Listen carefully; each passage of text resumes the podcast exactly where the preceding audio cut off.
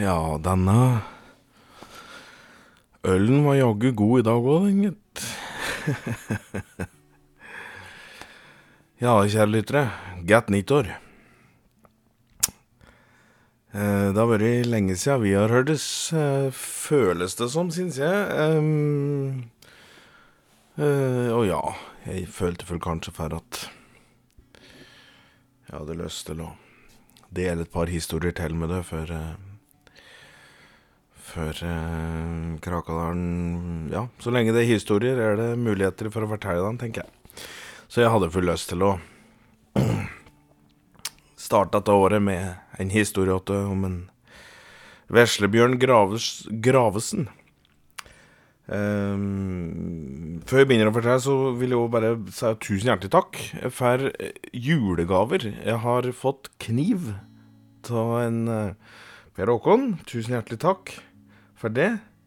Jeg har fått um, treutskjæringer uh, som er um, er uh, inspirert fra diverse historier. Jeg fikk uh, Jeg fikk òg en annen uh, slags Hva skal jeg si Et slags um, spill. eh, der du på en måte kaster, kaster terninger, og så havner du på bare noen sitater.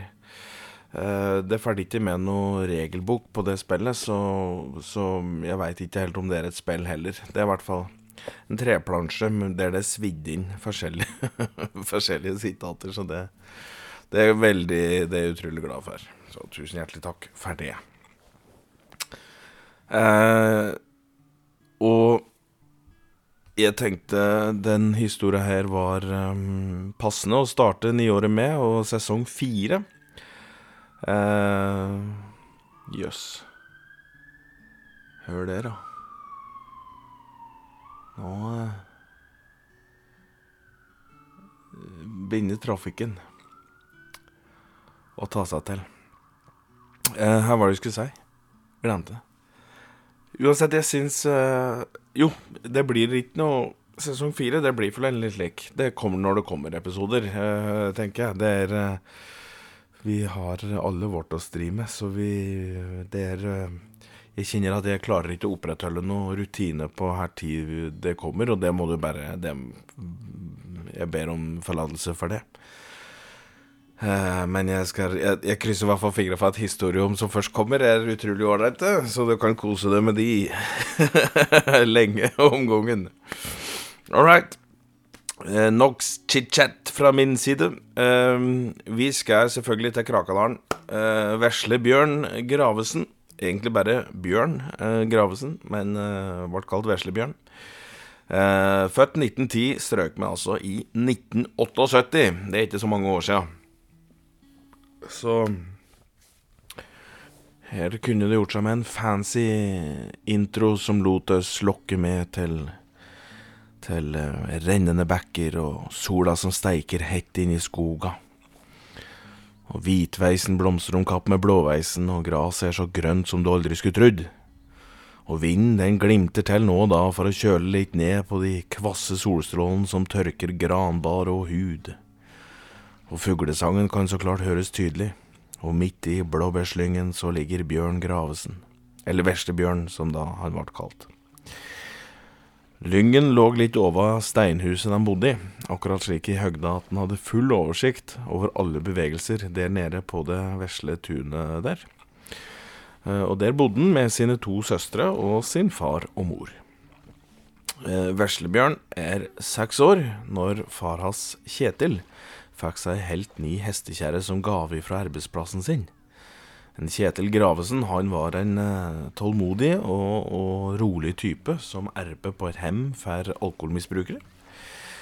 Og eh, misbruk av alkohol i Krakadalen, det var jo i- Det var nok noe eh, ganske vanlig eh, rundt omkring, så Så de som havner på hemmet, det var Det var som oftest de som hadde blitt kastet ut hjemmefra, om det da var til om det da var til sine ektefeller eller foreldre, og i, i, i noen tilfeller var det jo deres egne unger som hadde kastet dem ut, faktisk.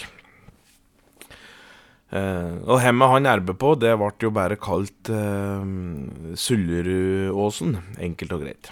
Eh, og eh, det lå slik til at bakom huset, eh, altså bakom hovedhuset på Sullerudåsen, der var det en liten innsjø. Og skogen, den kranser jo så klart rundt selve bygget.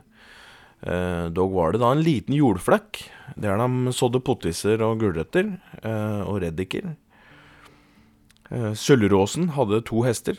De ble brukt til jordbruk. Eh, fire kuer som bidro med melk. Eh, de hadde 70 høner som sto for egg og, og, og kjøttmat, eh, altså kylling, når det trengtes. Og så var det både geiter og tre katter der. ja. Og dyra de var jo der for å gi de som bodde der, fred men òg for å holde dem i aktivitet. Eh, for å få alkoholfokuset vekk, ble de da satt i erbe, om det så var å fiske eller slakte, eller å så potiser eller hogge tømmer.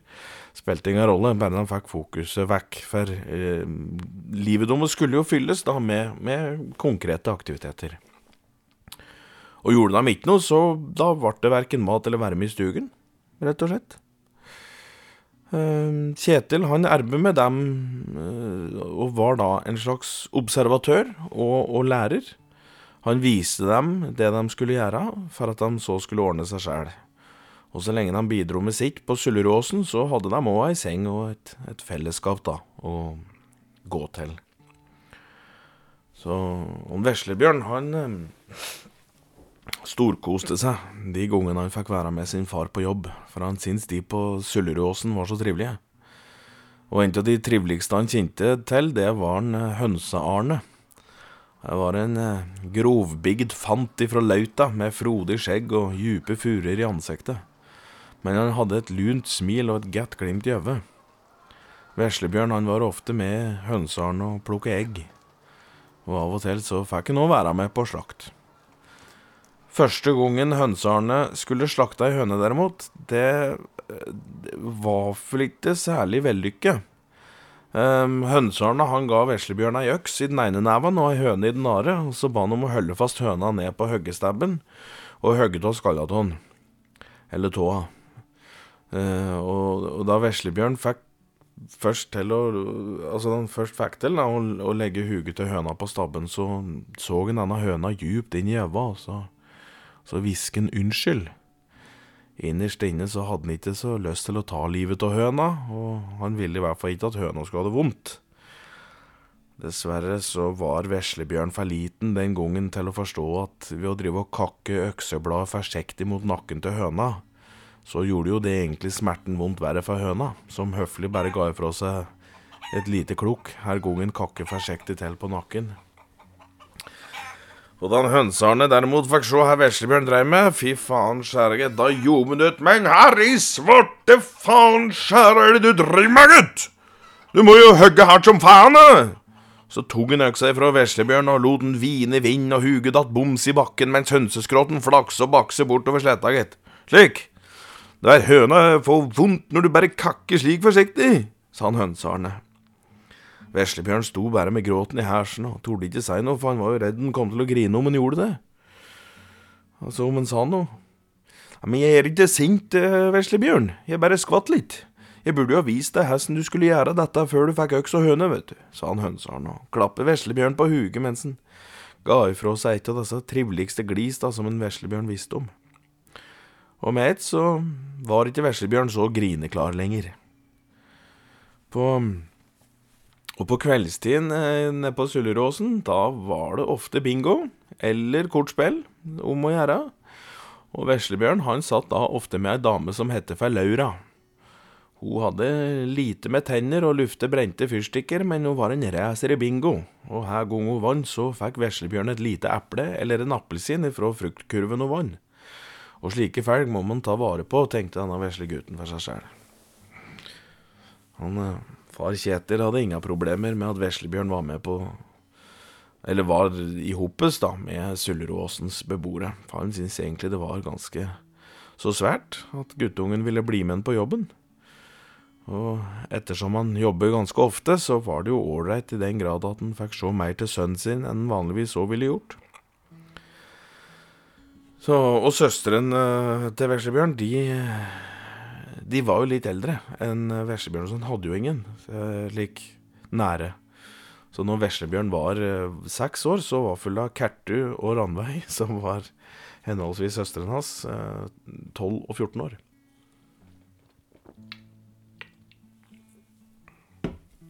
Fikk jo brått lyst til å ta meg en snus. Eh.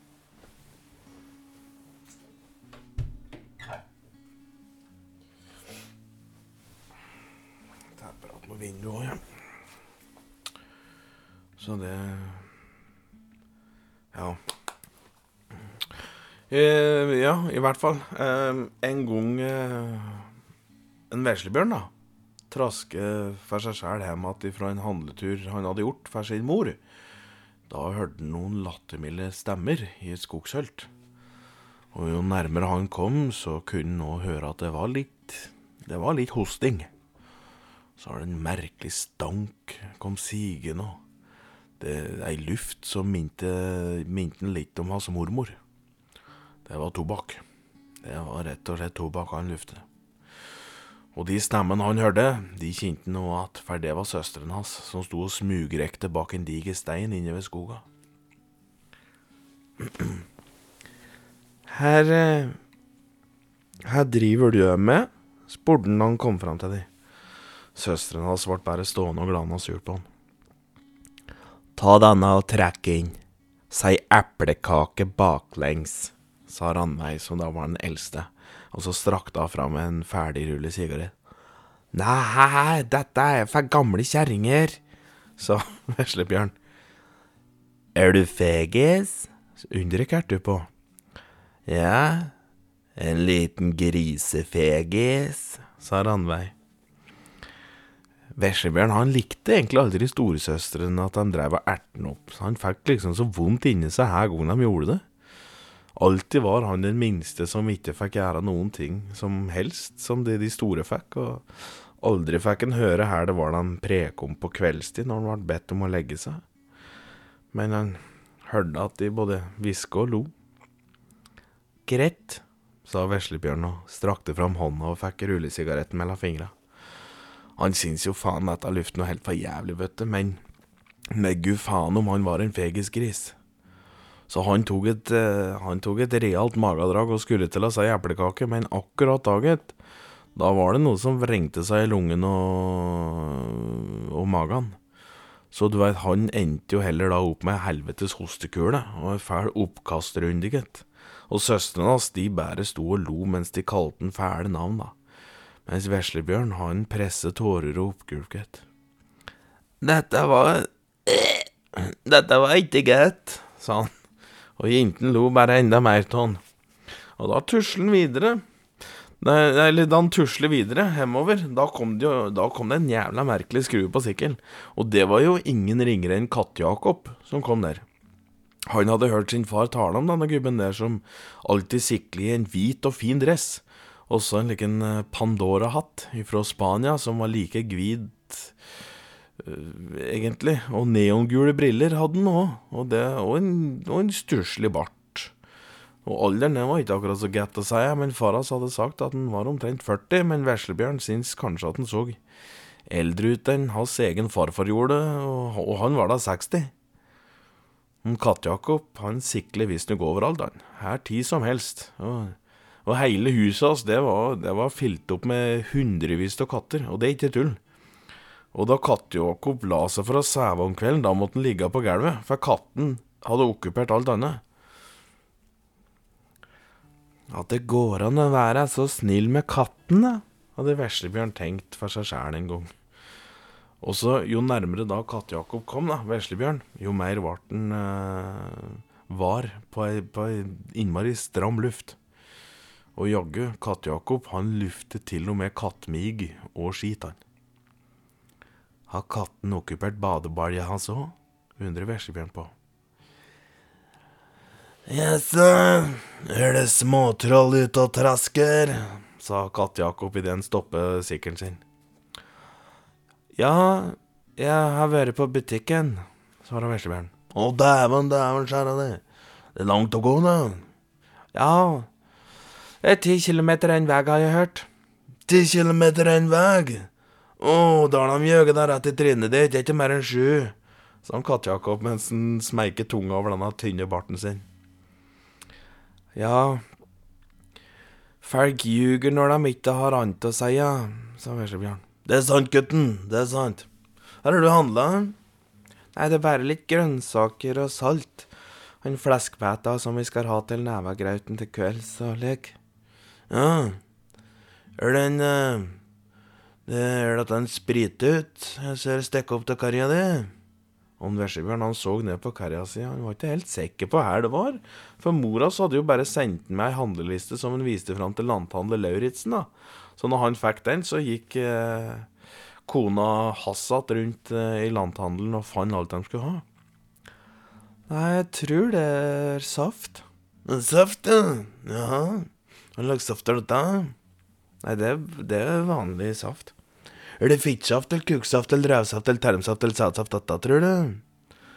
Og når den vesle, nå, Da sank en veslebjørn sitt ansikt litt sammen og sto bare med litt forundret og, og skeptisk blikk på en Katt-Jakob.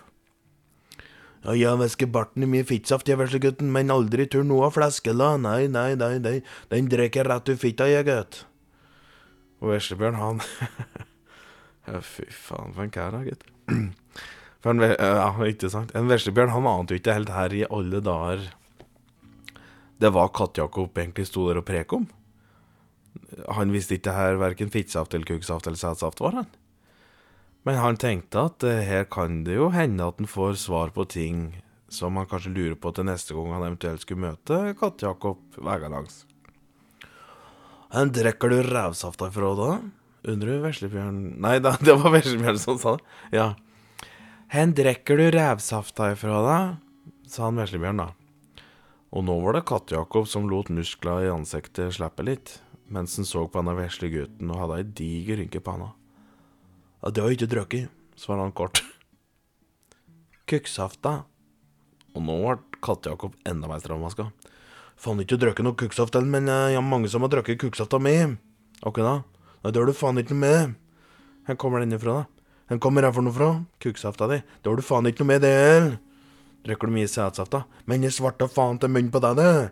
Hæ? Dette finner jeg meg faen ikke i å stå og høre på. Jome Katt-Jakob tok en fatt og tråkket videre der nå en skulle. Veslebjørn han sto etter den og kunne ikke helt begripe helt hva det var han hadde sagt som hadde gjort Katt-Jakob så jævla irritert. Men så bor han jo med hundrevis av katter, da, så han kan jo ikke være så riktig vettig i utgangspunktet, tenkte veslebjørnen og traske videre hjem igjen. Da han kom seg eh, hjem igjen den dagen, da spurte han sin mor, da, om det var sprit på flaska han hadde fått med seg, men da hadde mora bare fiket åt han og sagt at slik spør han faen ikke om. Hun sa kanskje ikke faen, da, men ja. Seinere med tida så skulle det vise seg at grunnen til at mor var så hissig da det kom til spritspørsmål, det var jo for at hun drakk mye sprit. Det var litt sårt, med tanke på at en far Kjetil Erbjo på Sullerudåsen um, så ofte i barndommen, da lå en veslebjørn i blåbærslyngen, litt gjemt, de gangene han hadde mistanke om at moras, som for øvrig da heter Aslaug, hadde drukket. Eh, og da lå han der og, og ventet til faras kom hjem igjen, og om det da var tyst i huset, da var det trygt, og Aslaug var edru. Men de gonga det kunne høres krangling ifra huset, da skjønte han at uh, Aslaug, hun var full. Så, og søsteren hans den brydde seg ikke noe med det, for de syntes det var helt greit. De brukte jo ofte å stjele litt av spriten hennes, Aslaug, slik at de kunne imponere altså galtegutta. Og galtegutta, det var jo grendas fyllebukker av noen brødre, vet du. De var fulle i midten av De var full, mener jeg. De var fulle i midten av 20-åra. Eh, mens de bodde jo fortsatt hos mor sin, da, oppi, oppi skogen. Men ofte var de å finne grøftelangs drita fulle med sikla sine henslengt og en langpils i nevene. De lå og drakk så ølet rant nedover hersen på dem, gitt. Akkurat som kamela og ørkenen når de først fikk vann, tenkte Veslebjørn de gangene han så dem. Og En gang da Veslebjørn ble voksen, så ble han sitert på det at eh, om du hadde sett galtgutta i skumringen, ja, da hadde du daue. For så fæle var de visstnok å se på, til og med i dagslys, at Veslebjørn var livredd de gangene han så dem ligge langs grøfta. Og da spilte det ingen rolle her grønt og høgt graset var, eller blommen blomstre, for fæle det var dem lell.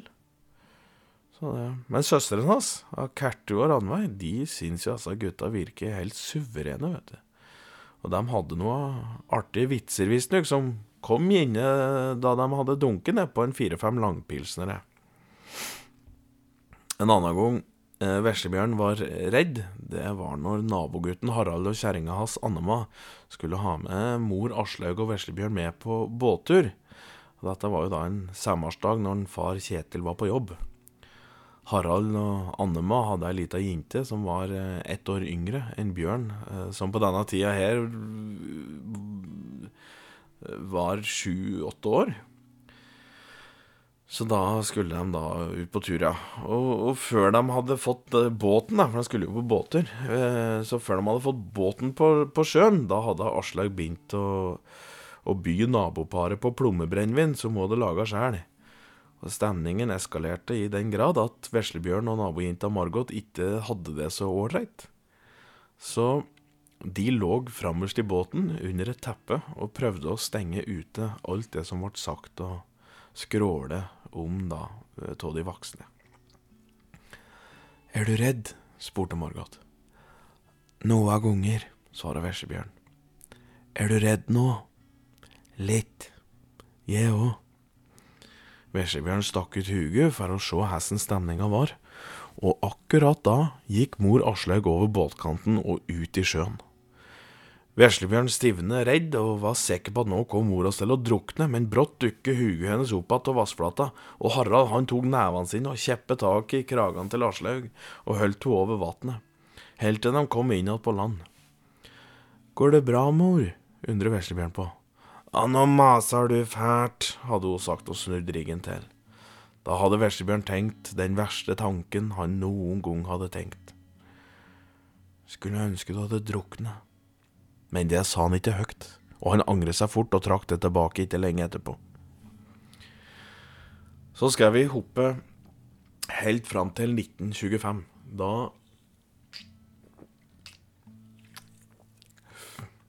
Da var han Veslebjørn 15 år gammel. Og, så det var jo Og da var det jo svært, da, med biler rundt om i skoga. Og fillkjøring, det var det det gikk mest i, selvfølgelig. Noe fæle ulykker var det sjeldent, men at det var ofte å se biler etter grøfta, det var det så absolutt. Eh, og de som eventuelt hadde kjørt bilen, de hadde som regel bare valgt å sæve bak rattet, for dermed å se til å få bilen på veien igjen først dagen etter, da de hadde blitt edru igjen. Men eh, Katt-Jakob og Galtegutta derimot, de var eh, fortsatt å finne på sikla sine. Veslebjørn han hadde en kompis som heter Lars. Og sammen så rusler de eh, som regel etter veien i jakt etter jenter, da, som gikk med skjørt. Og Lars han var jo en kar som var eh, riktig så jentegæren, og om vinteren da han Da var han som en ukastrert hannhund under løpetida, gitt. Eh, for allerede fra Lars var tolv år, så hadde han gjøget på seg og løyet med alt fra bestemor si til nabokjerringa. og det Bare der er det ikke greit å drive og gige på seg at han har ligget med bestemor si, må jeg bare si. Det er jo helt forferdelig. Men han gjør jo òg på seg at det var minst 14 ligg per skoledag. Eh, men eh, det er klart Veslebjørn visste bedre, og tok alt en Lars sa med ei klype salt. Og du trengte ikke akkurat å være av de skarpeste for å skjønne at om du gjør om å knulle bestemor di, da veit du tusen ikke her det er det vil si å knulle noen i det hele tatt. For det var det full eh, ingen ved sine fulle fem inn på skoga som ville skryte på seg.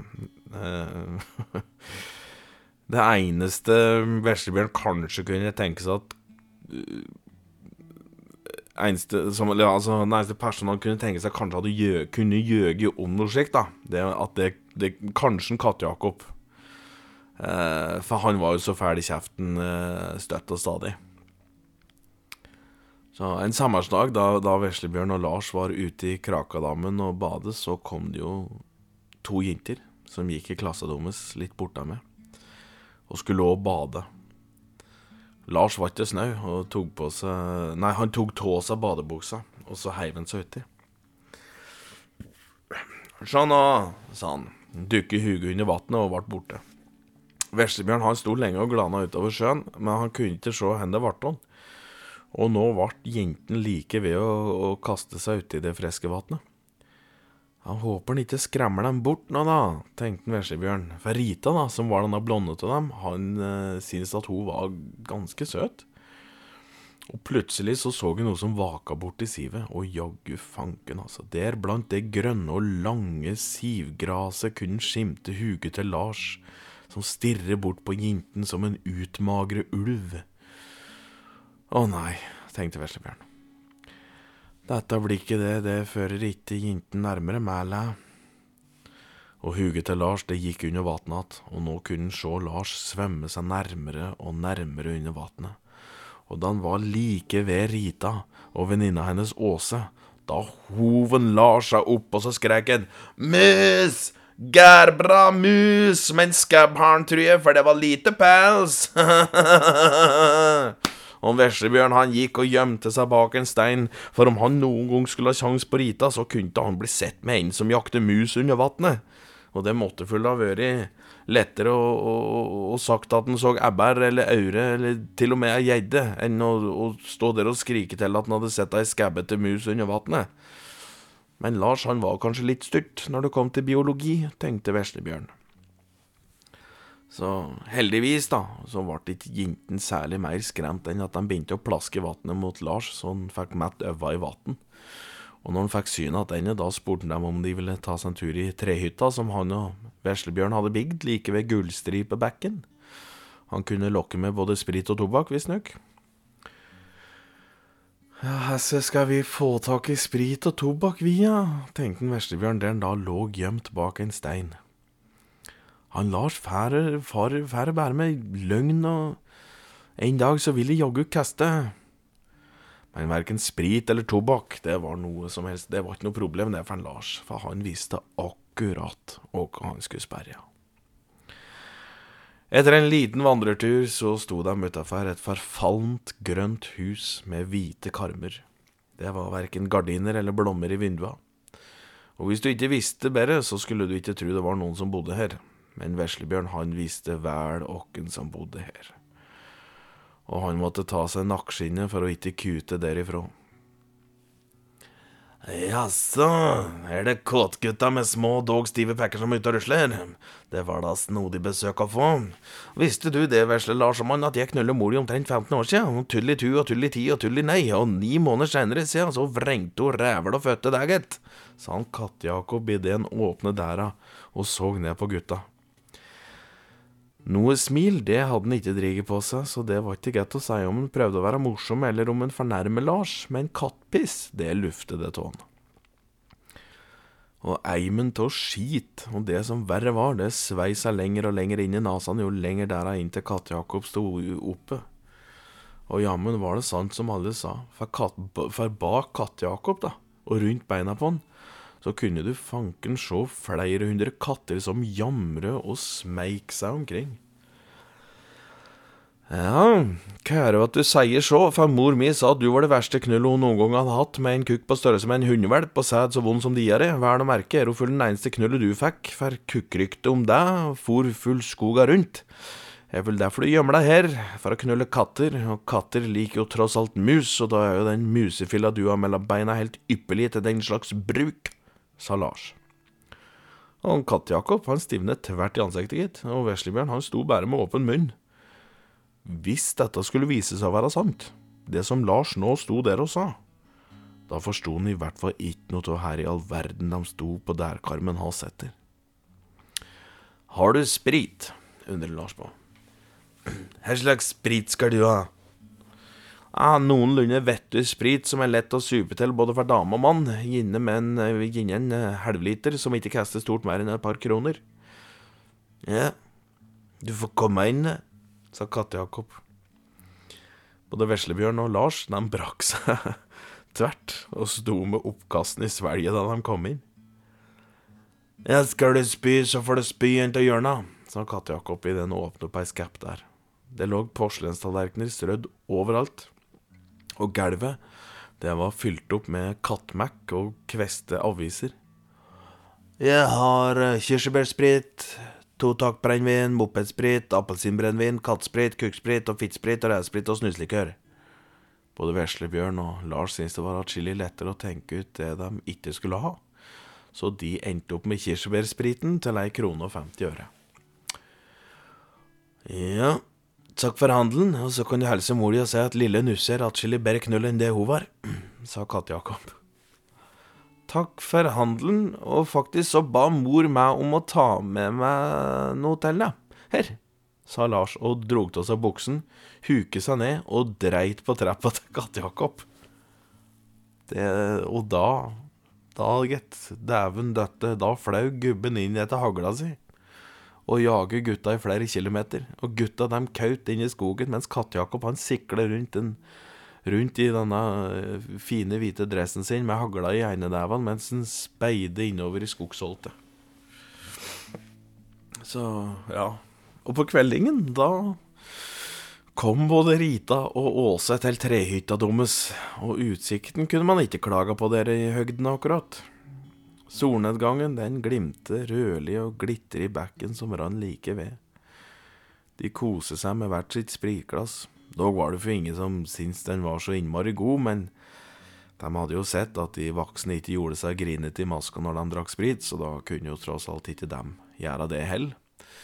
De var jo De var jo så greit som voksne. Og eh, de satt og rullet seg sigaretter men Veslebjørn, stakkar, han, han ble bare dårlig vet du, når han begynte å fire opp. Han ville ikke ha sjæl etter denne sjæl etter denne gangen søstrene hans tvang til å ta et drag. Men bare lufta gjorde jo at den, ja, hele magen hans vrengte seg, og oppkastspruten den sto utover hele lyngen, dessverre.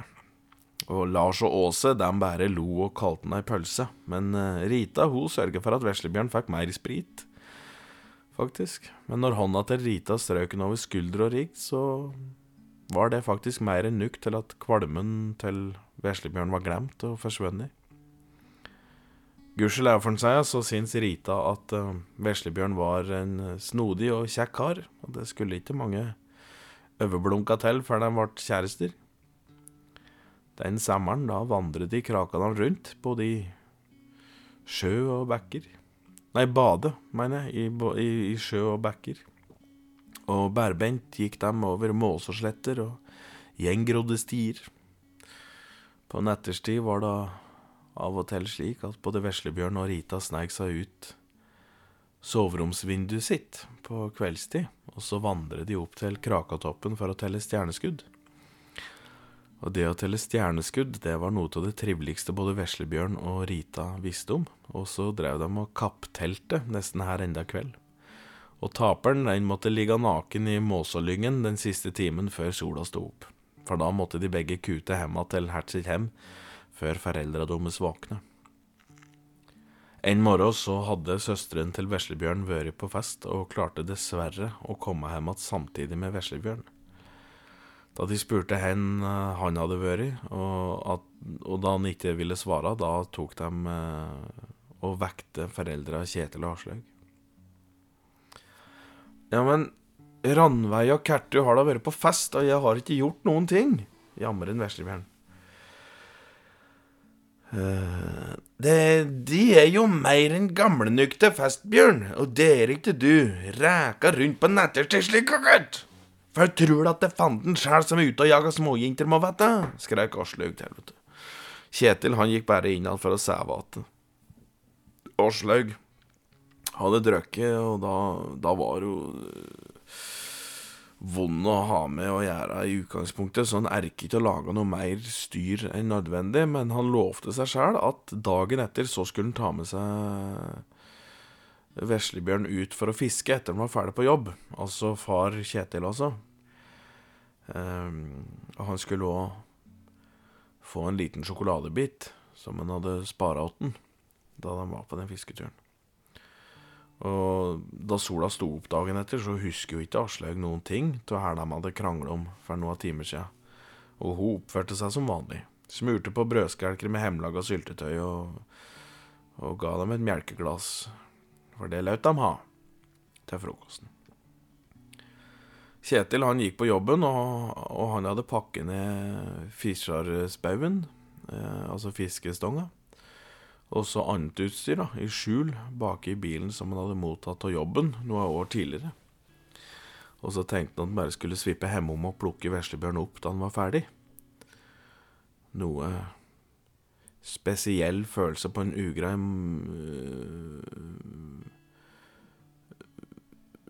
Noe spesiell følelse på en ugrei måte, det fikk Det er jo en veldig rar setning. Jeg sier det. Men han fikk nå en spesiell uh, følelse, da, uh, i magen, han veslebjørn, når Hønse-Arne kom uh, siklende etter, like etter lunsj. Veslebjørn han sto med ljåen og kveste høgras når han kom siklen med tårer trillende tur de lune øva hans og nedover de runde kjaka. Um, og Veslebjørn fikk nesten lyst til å grine sjøl, for det er noe rart når du ser den som ofte er blidest, plutselig er trist og, og sorgfull. Her er det som har skjedd, Høns Arne. Har reven tigget flere høner? Hønse-Arne samlet seg og vridde huget. Nei, det er nok verre, vesle gutten. Far din er død, sa han og begynte å grine så høyt at alle fugler løftet seg opp til himmels og flykte vekk og det samme gjorde grevlingen som hadde laga seg et hus under badstua.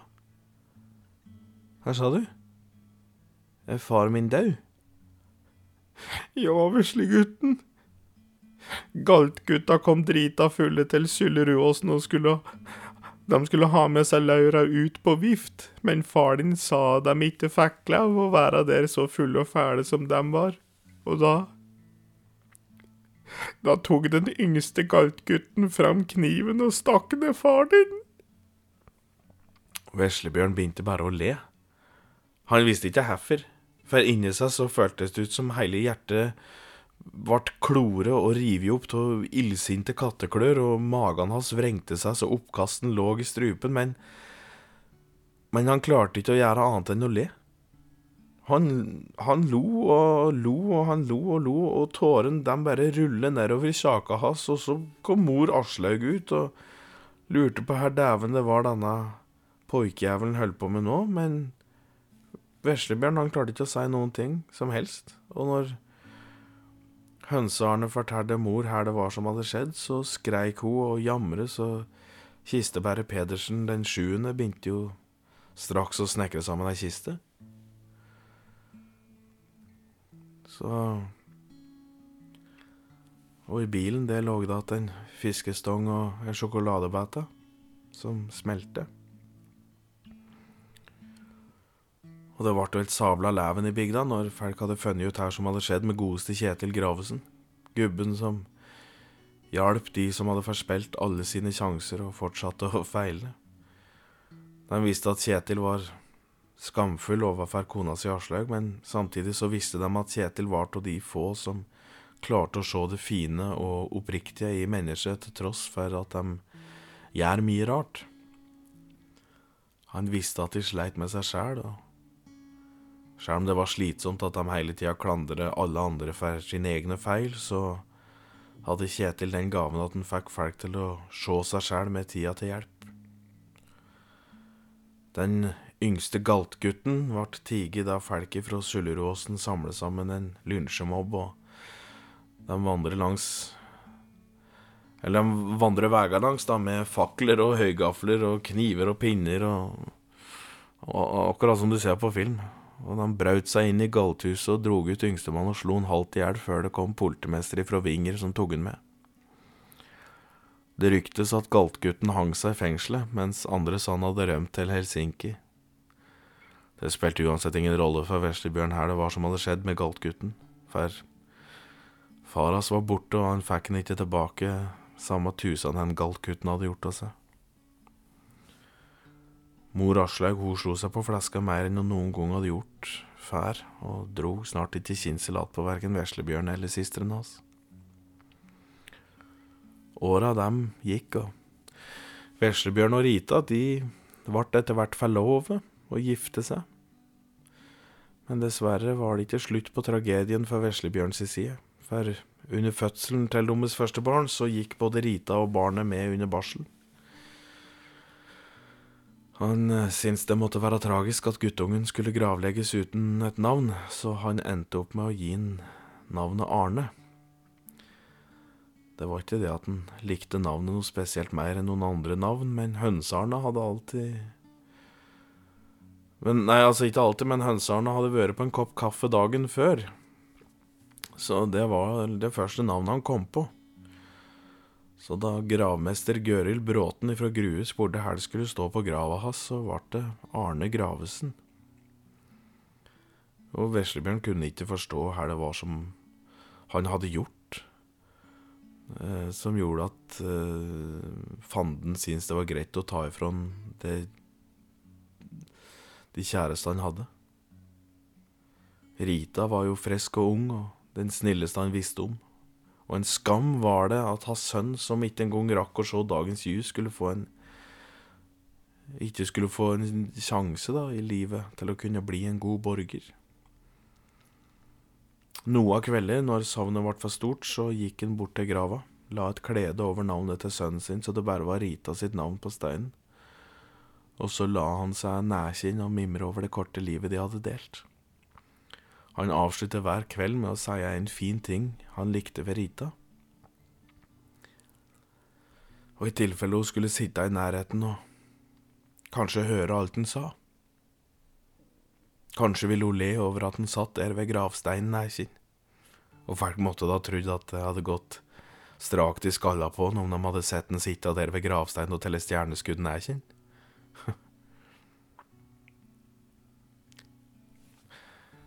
Veslebjørn tok seg jobb som juletreforhandler.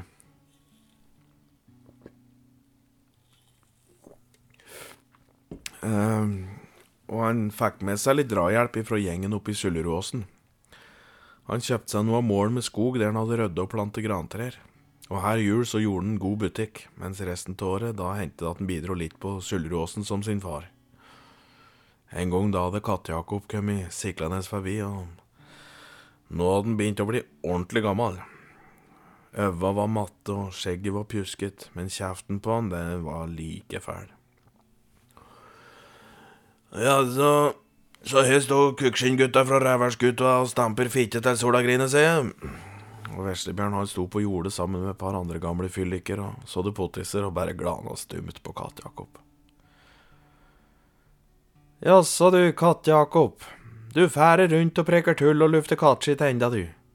Nå er det vel snart så det ligger seks bein under torva au, sa Paula Sletten mens hun ditte nedi noe frø. Nei, kjerringfille gjeld heger meg nok ikke til dødeporten helt ennå. Lenge att å leve ennå, får en tru. ja, så mye merk i pekken du må drige på deg etter all denne kattknullinga du har holdt på med, så kan det vel umulig være lenge til kreften kommer og drar deg ned, sa Paula og snudde seg og gikk. Katt-Jakob han ble stående mutt som en østers og glane etter henne. Og sant skulle det være. Den vinteren i 1936 så strøk en Katt-Jakob med i en alder av 93 år. Huset hans det var de nødt til å brenne opp, for det var nesten en meter med kattskitt på gulvet, og strengt tatt så var det jo nesten en mirakel at Katt-Jakob hadde klart å leve så lenge i dette huset. Og slik gikk det til at Krakadalsfelket samlet seg for gravøl første nyttårsdag 1936 og sammen så brant de ned huset til Katt-Jakob med både gubbe og alle 342 katter innomhus. Det var en dødskakofoni ingen har hørt maken til, kan du si. Ja. Og noen av katter klarte seg nå å karre seg ut gjennom knuste glassruter. Og hønsearne han sto likende ved sida av Veslebjørn og felte sine brumletårer. I 1938 så endte det med at Veslebjørn vart i hopes med nabojenta Margot. De gifte seg aldri, for Veslebjørn syntes det ville være ufint mot Rita, og Margot hadde ingen problemer med å forstå hva han mente. Hun hadde tross alt vært førstevalget, og så var det jo naturen sjøl som hadde tiget vekk ifra Bjørn, på en måte øh, På en måte, så de var jo da på sett og vis gift enda følte i hvert fall Veslebjørn.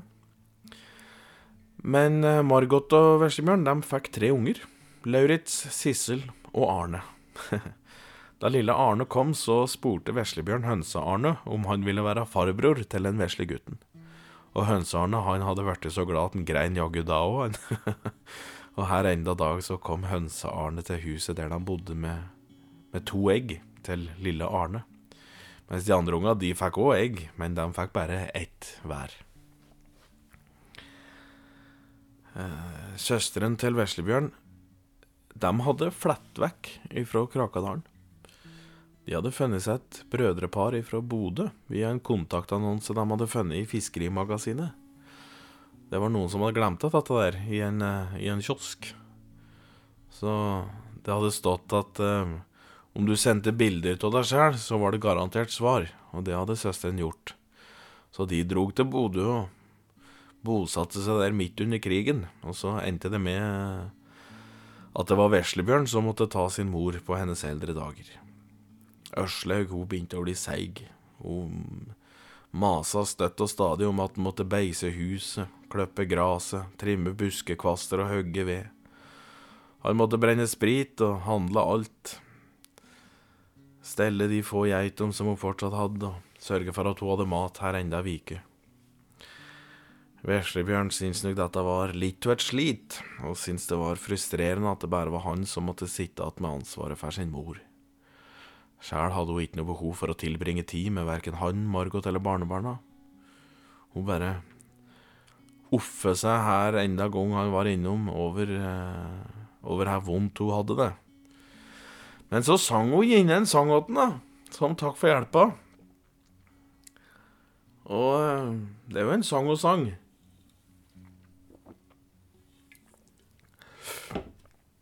Som eh, jeg kan. Og da får vi finne av gitaren.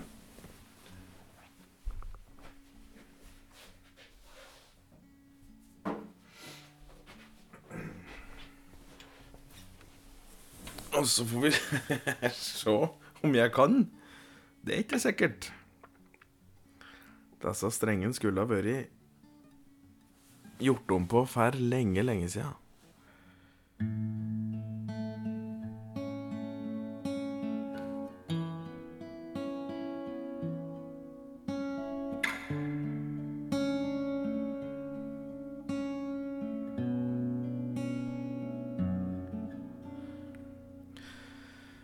Se hvordan dette blir. Jeg har ikke peiling.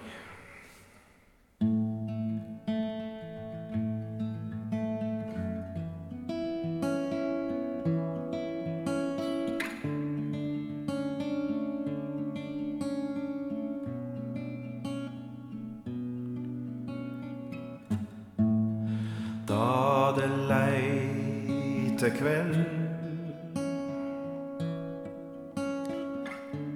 Satte jeg hesten min i hell, så vi var løgna. Jeg satte min hest i Rosenlund. Jeg la meg til å ta en siste blund. Den første søvn som jeg fikk, den dauen mann til meg han gikk. Stå opp, ridderrike. Jeg vil ei din søvn svike. Stå ridder, så skal lagens raud. Du er levende, og jeg er død.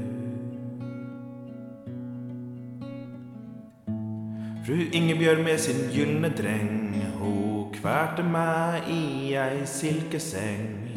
De gjorde meg inn i ei byrd tå høy og førte meg bort på den ville løy. Så grov de meg ned i mold og mose med skarlakksko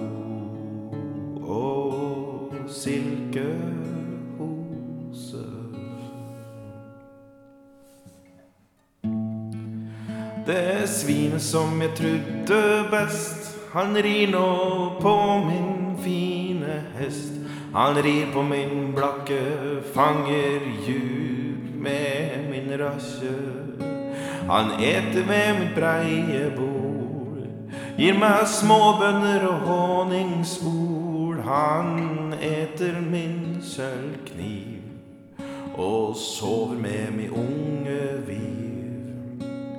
Er du tå min ættjern og det som er rett, og rideren vakne tur søvn så brått.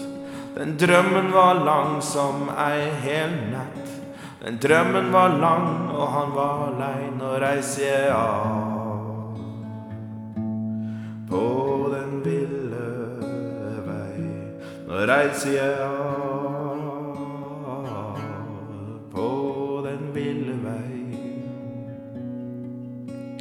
Han ridde bort så fort han kan, og leite til han daue han fann. Og ridderen vart i huget så vred, han var like til skogens skjende fred. Og ridderen kaster like på gulvet ho bor. Fru Ingebjørg bleikne og svartne som jord. Det gjorde, det gjorde fru Ingebjørg Ok. Det gjorde fru Ingebjørg så mye imot. De grov ho levende under vår jord. De gjorde fru Ingebjørg sorgløs og rein. De grov ho levende under en stein, så vie fare løgnar ord. Og så vie fare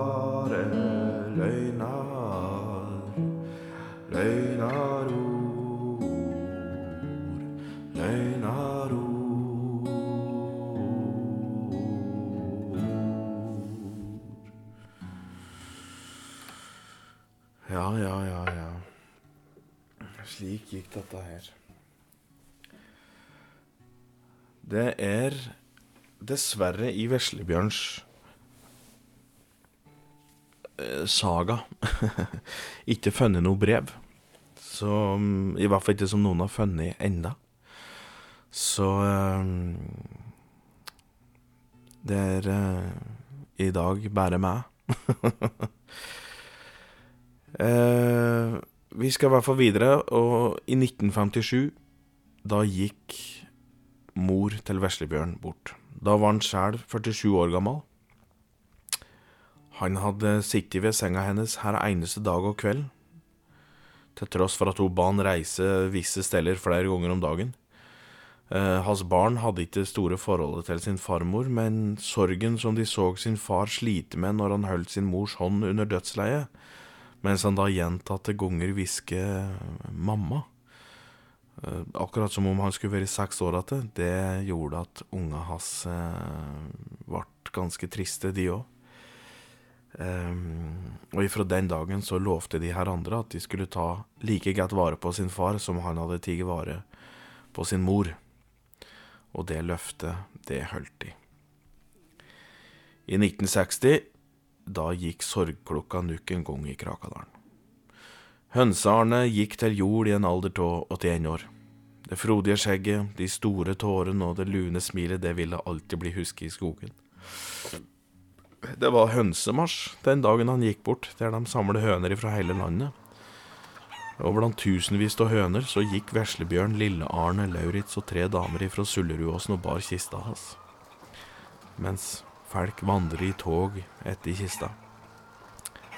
De bar kista opp på Krakatoppen, slik at hønsene skulle få kjenne vinden en siste gang før de tok kista med seg ned igjen og gravla den i hønsegarden innpå Sullerudåsen. Aldri trengte Krakadalen en hønsepasser mer, for sjela hans må nok ha vandre på garden der, for hønom dem forlot aldri Sulleråsen eller hønsegarden sin. Og til og med reven holdt seg unna. Veslebjørn, han eh, hadde i sin voksne alder et godt liv. Han så sine barn vokse opp. Eh, han gleder seg over at han i 1961 ble bestefar, og flere barnebarn kom med åra som gikk før han så i 1978 lå på dødsleiet i sin egen seng etter eget ønske, med hele sin familie rundt seg.